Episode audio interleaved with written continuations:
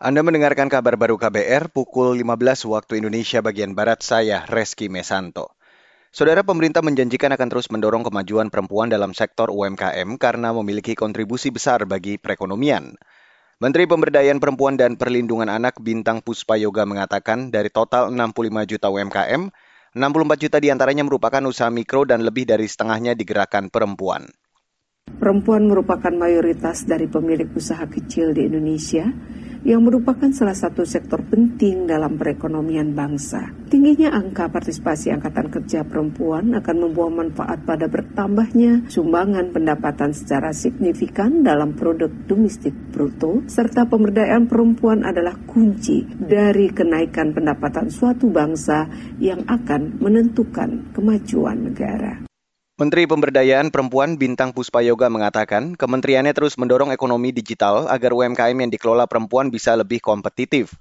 Tak hanya pada ranah nasional, tapi juga internasional. Ia juga mengajak semua stakeholder berpartisipasi dalam investasi usaha mikro di Indonesia. Beralih ke berita selanjutnya, Saudara. Bank Indonesia mencatat posisi utang luar negeri Indonesia hingga akhir Mei lalu sebesar 406 miliar dolar Amerika atau sekitar 5.938 triliun rupiah. Juru bicara Bank Indonesia Erwin Haryono mengatakan, posisi utang luar negeri Indonesia pada Mei turun dibandingkan bulan sebelumnya yang mencapai 410 miliar dolar Amerika. Sedangkan total utang luar negeri swasta sebesar 209 miliar dolar Amerika atau turun dari bulan sebelumnya mencapai 210 miliar dolar Amerika. Utang luar negeri dari pihak swasta saat ini turun 0,7 persen dibandingkan periode yang sama tahun lalu. Menurut Erwin, utang swasta terbesar bersumber dari sektor jasa keuangan dan asuransi, sektor pengadaan listrik, gas, uap air panas, dan udara dingin, sektor pertambangan dan penggalian, serta sektor industri pengolahan. Sektor-sektor itu mencapai 77 persen dari total utang luar negeri swasta.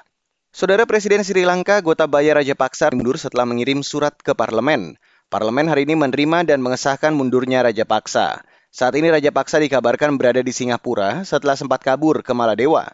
Dilansir dari EFI, Ketua Parlemen Sri Lanka Mahinda Yapa mengatakan surat pengunduran diri Raja Paksa dikirim dari Singapura dan telah melalui verifikasi keaslian. Berdasarkan konstitusi Sri Lanka, Perdana Menteri Ranil Wickremesinghe semestinya mengambil alih sementara kepemimpinan jika Raja Paksa mundur.